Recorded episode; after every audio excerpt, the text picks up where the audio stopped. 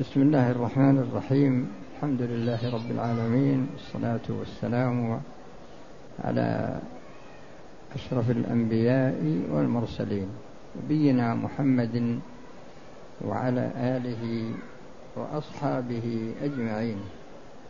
أما بعد ففي هذه في مثل هذه الليلة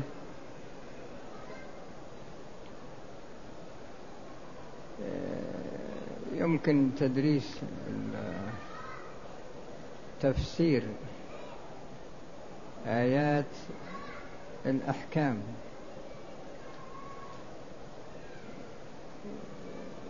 وكذلك شرح أحاديث الأحكام. فأما بالنظر لتدريس تفسير آيات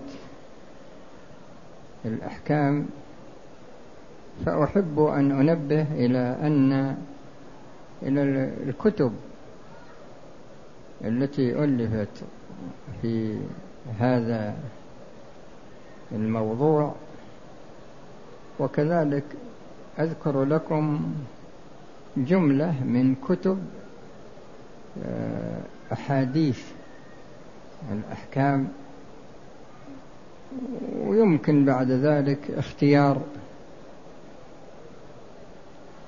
ما يناسب ويكون سهل الحصول عليه في المكتبات من جهة ويكون أيضا مرجع موثوق. من جهة أخرى. فأما بالنظر إلى تفسير آيات الأحكام فهذا يعتبر نوع من أنواع تفسير القرآن. لأن القرآن يشتمل على علوم كثيرة منها علم الفقه. منها علم الفقه. وتفسير آيات الأحكام هو عبارة عن عناية ببيان استنباط المسائل آه، الفقهية التي تؤخذ من الآيات والعلماء الذين عنوا بتفسير آيات الأحكام خاصة منهم من فسر آيات الأحكام تفسيرا موضوعيا ومعنى التفسير الموضوعي أنه رتب كتابه على أبواب الفقه ويجمع الآيات التي تتناول موضوعا واحدا من سور القرآن.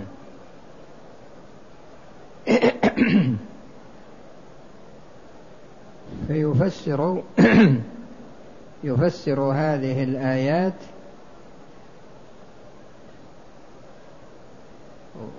فمثلا آيات الطهارة في القرآن جميعا. جمعها تحت باب كتاب الطهارة. جمعها تحت باب كتاب الطهارة.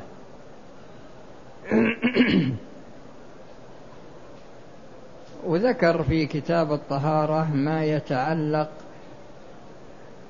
بالتيمم وهكذا بالنظر للوضوء وما إلى ذلك. يعني جميع ما ورد في القرآن مما يتعلق بالطهارة ذكره تحت كتاب الطهارة. وجميع ما يتعلق بالقرآن وجميع ما يتعلق في الصلاة من آيات القرآن ذكرها تحت كتاب الصلاة. وفسرها وذكر مذاهب العلماء وأدلتهم والمناقشات وبيان القول الراجح.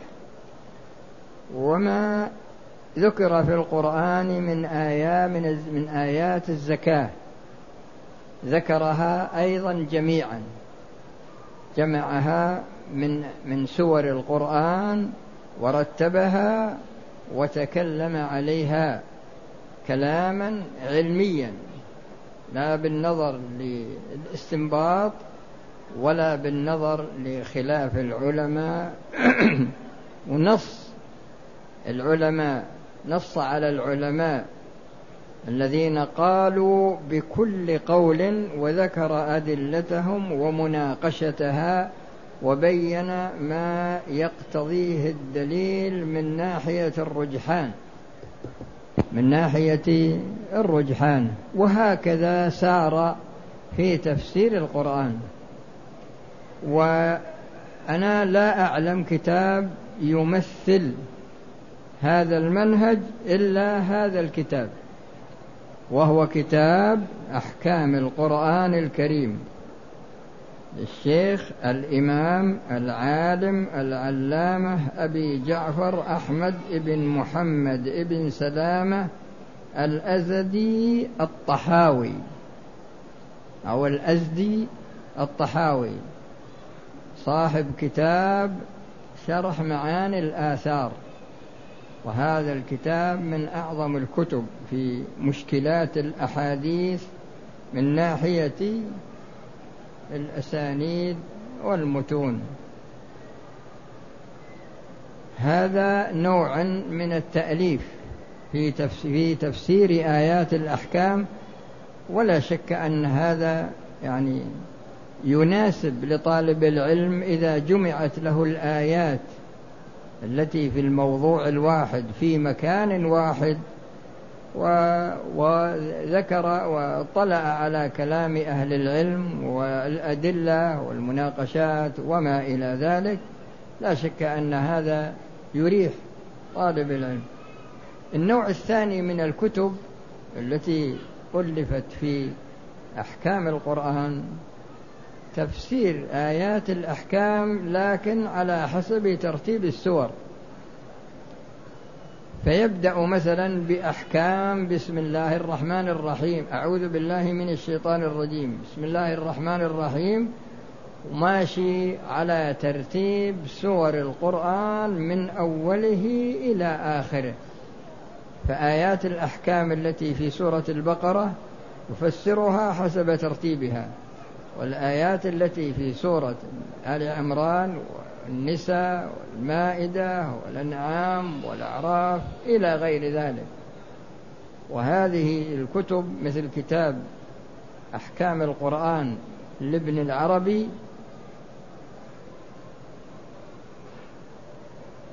وهذا مالكي وكتاب الجامع لأحكام القرآن وهو أيضا للقرطبي وهو مالكي ولكن هذا الكتاب فيه تفسير للقرآن عامة وفيه تفسير لآيات الأحكام خاصة. يعني مو بخاص في أحكام القرآن فقط لا هو عبارة عن تفسير عام للقرآن لكنه يعتني بآيات الأحكام. وأحكام القرآن لشخص آخر أيضا لكنه حنفي الجصاص. وهذا أيضا من أوسع الكتب في تفسير آيات الأحكام وتفسيره لآيات الأحكام حسب ترتيبها في السور. يعني لم يجمع الآيات التي تتعلق بموضوع واحد. يعني ما جمع آيات الطهارة جميعا لا. ولا جمع آيات الصيام. لكن إذا مر على آية الصيام مثلا في البقرة تكلم عليها. وإذا مر عليها في موضع آخر تكلم عليها وهكذا. وفيه كتاب أيضا يعتني بأحكام القرآن لكنها عناية في ضمن تفسيره في ضمن التفسير. وهذا الكتاب اسمه اللباب في علوم الكتاب لعالم من علماء الحنابلة وموجود في السوق يقع فيه عشرين مجلد وهو, وهو واسع جدا في تفسير القرآن ويعتني عناية خاصة في بيان أحكام الأحكام التي تناولتها الآية لكنه أيضا على حسب ترتيب القرآن. وفي أيضا كتاب أحكام القرآن للإمام الشافعي.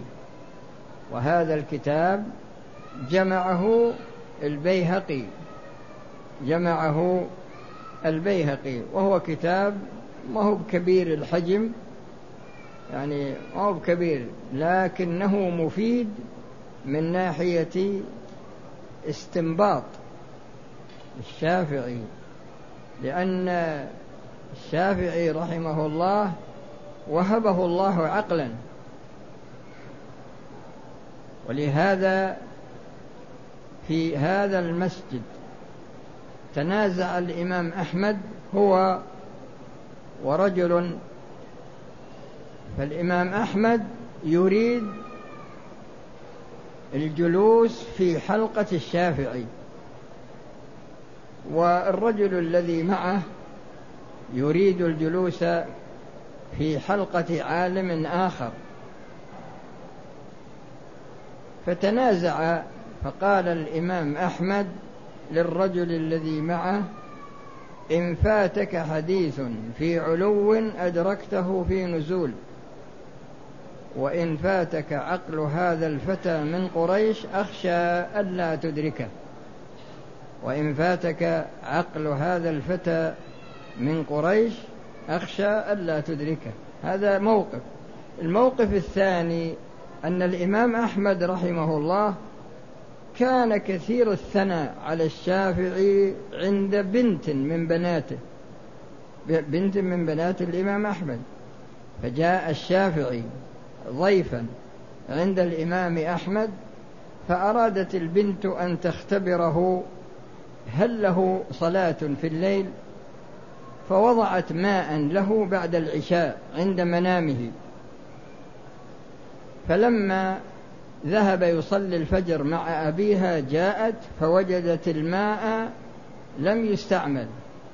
فلما جاء أبوها قالت له هذا الإمام الشافعي الذي تثني عليه وليس له ورد من الليل. ف فجاء الإمام أحمد للإمام الشافعي فأخبره قال صدقت أنا ما استعملت الماء لأنني صليت الفجر في وضوء العشاء.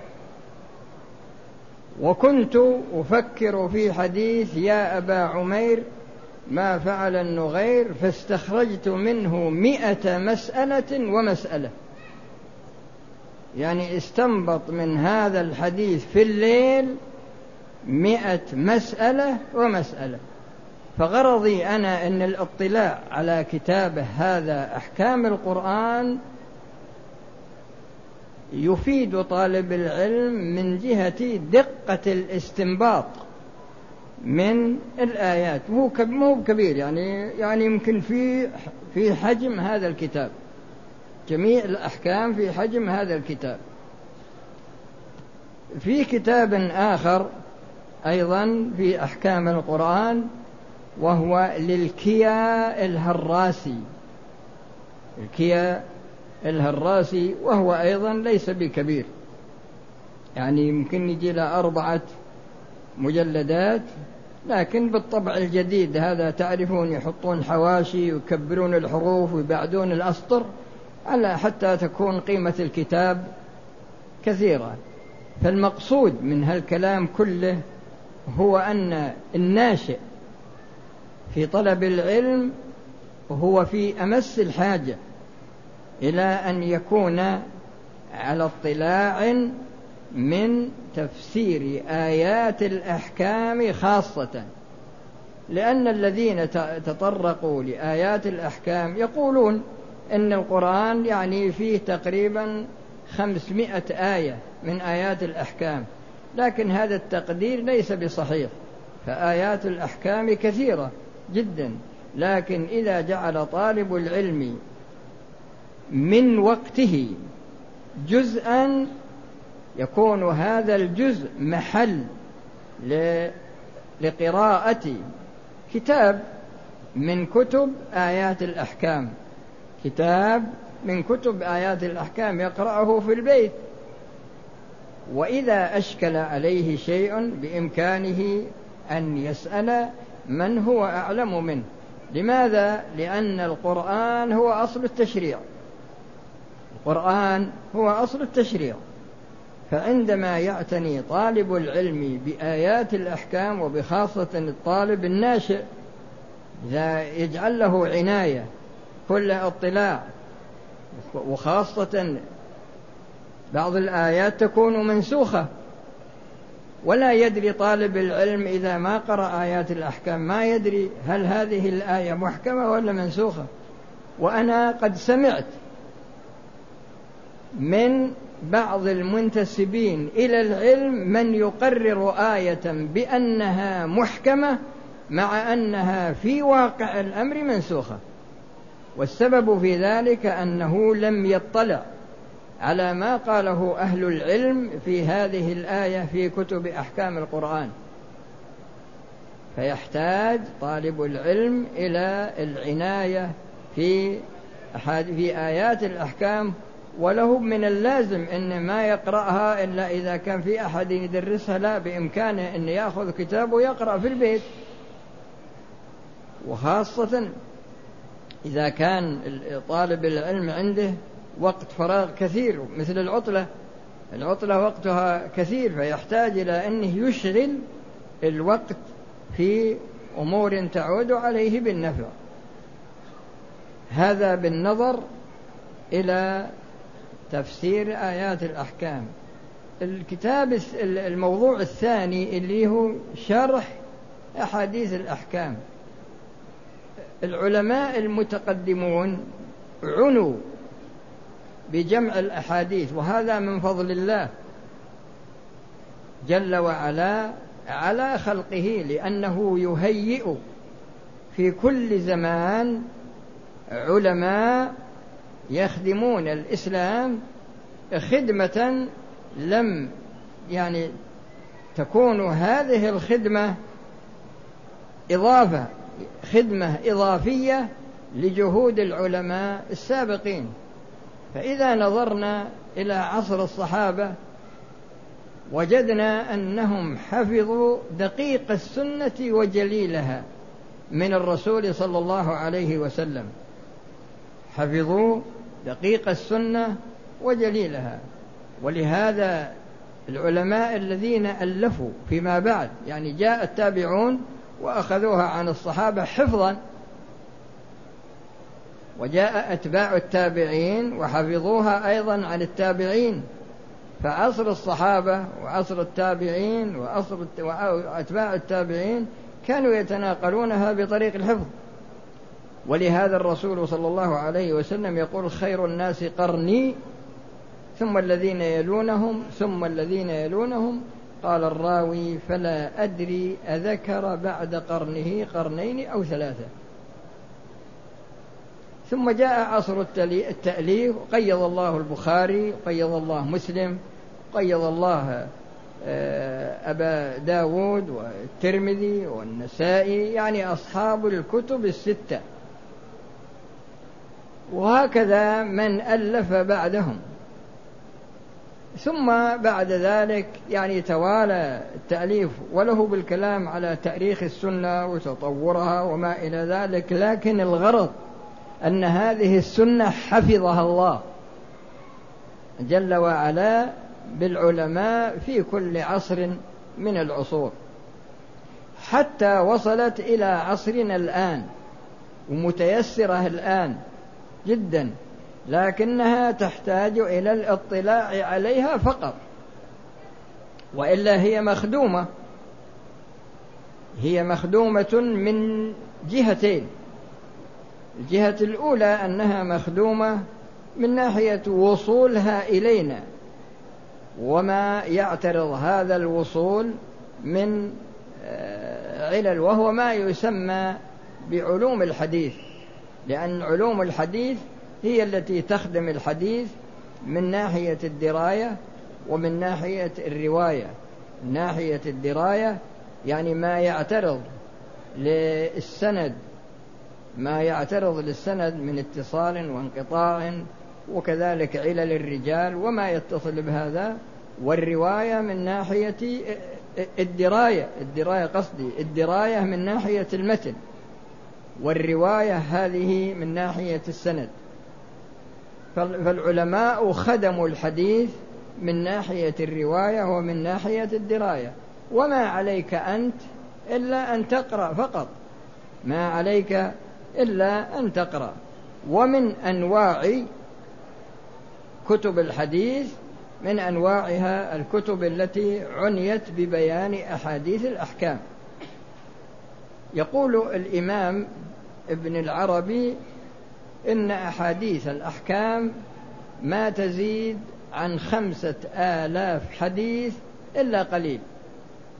أحاديث الأحكام ما تزيد عن خمسة آلاف حديث إلا قليل.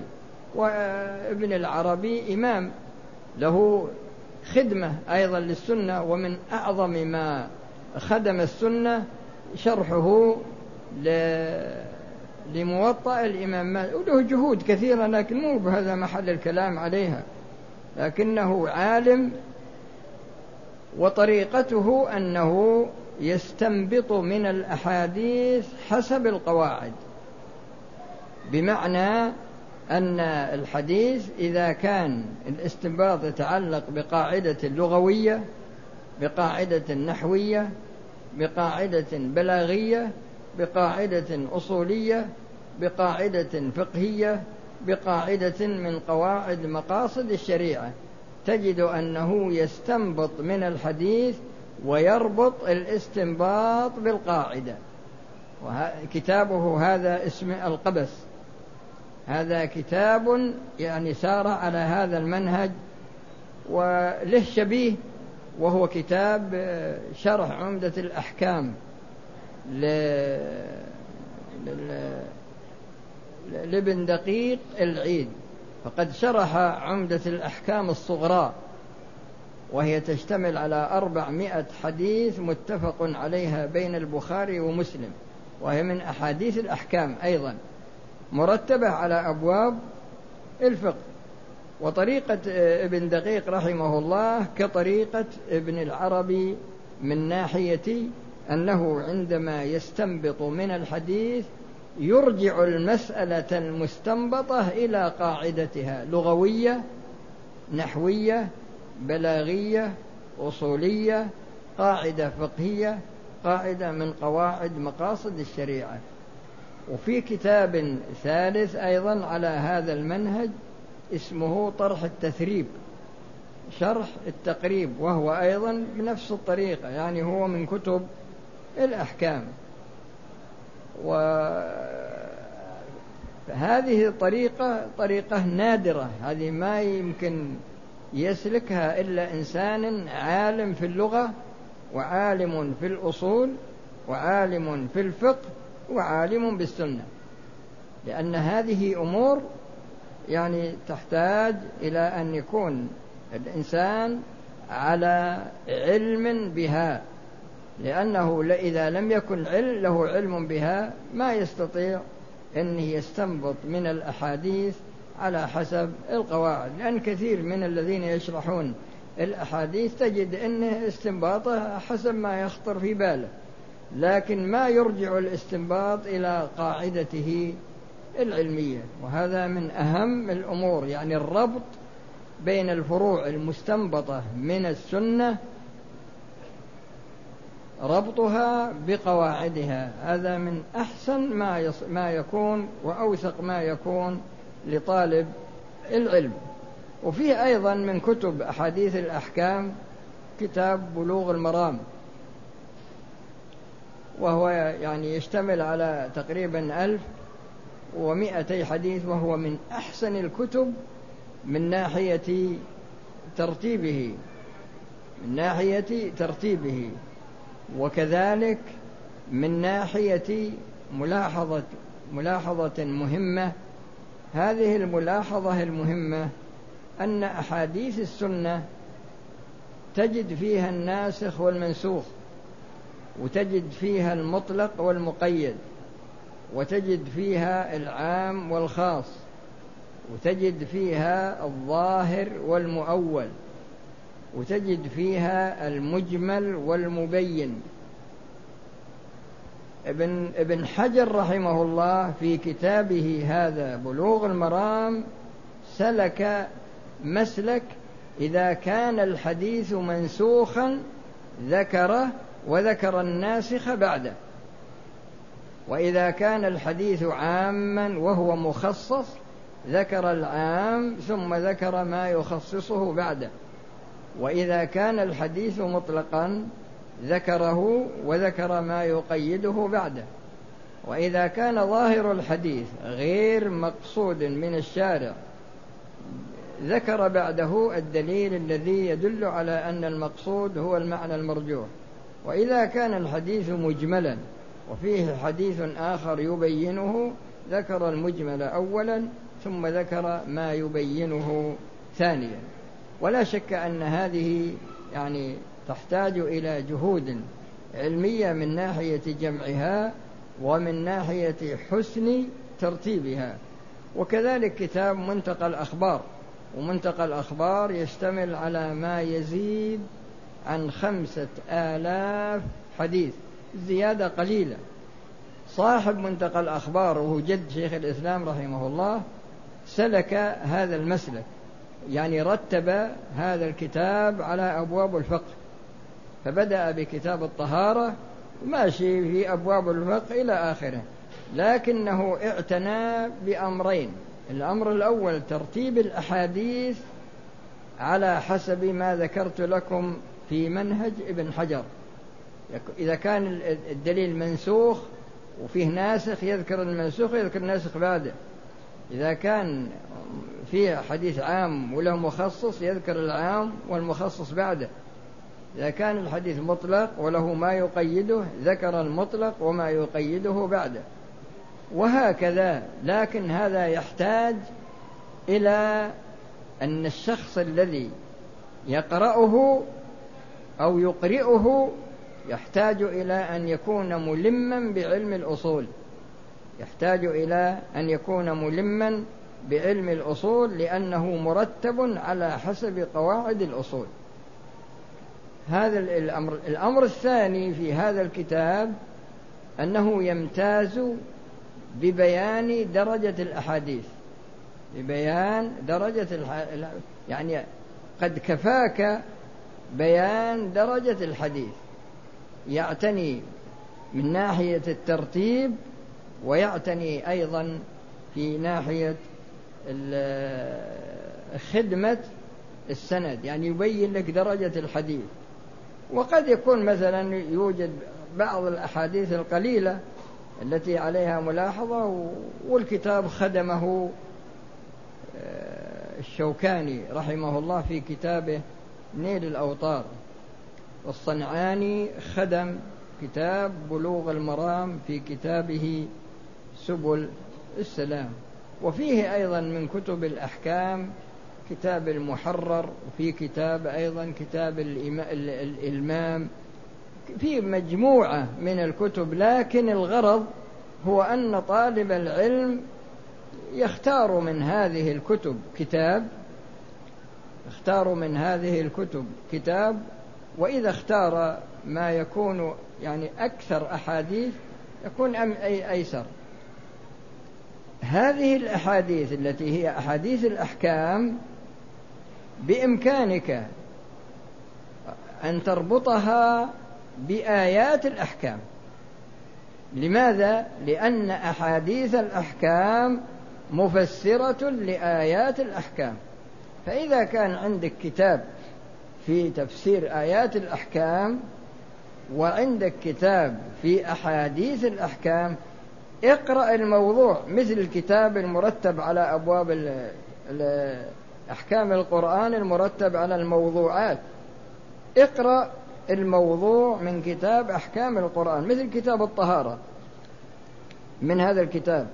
اقرأ كتاب الطهارة من المنتقى مثلا ولا اقرأ من كتاب بلوغ المرام ولا اقرأه من كتاب العمدة عمدة الأحكام الكبرى لأن في عمدة الأحكام الكبرى طبعت هذه السنة.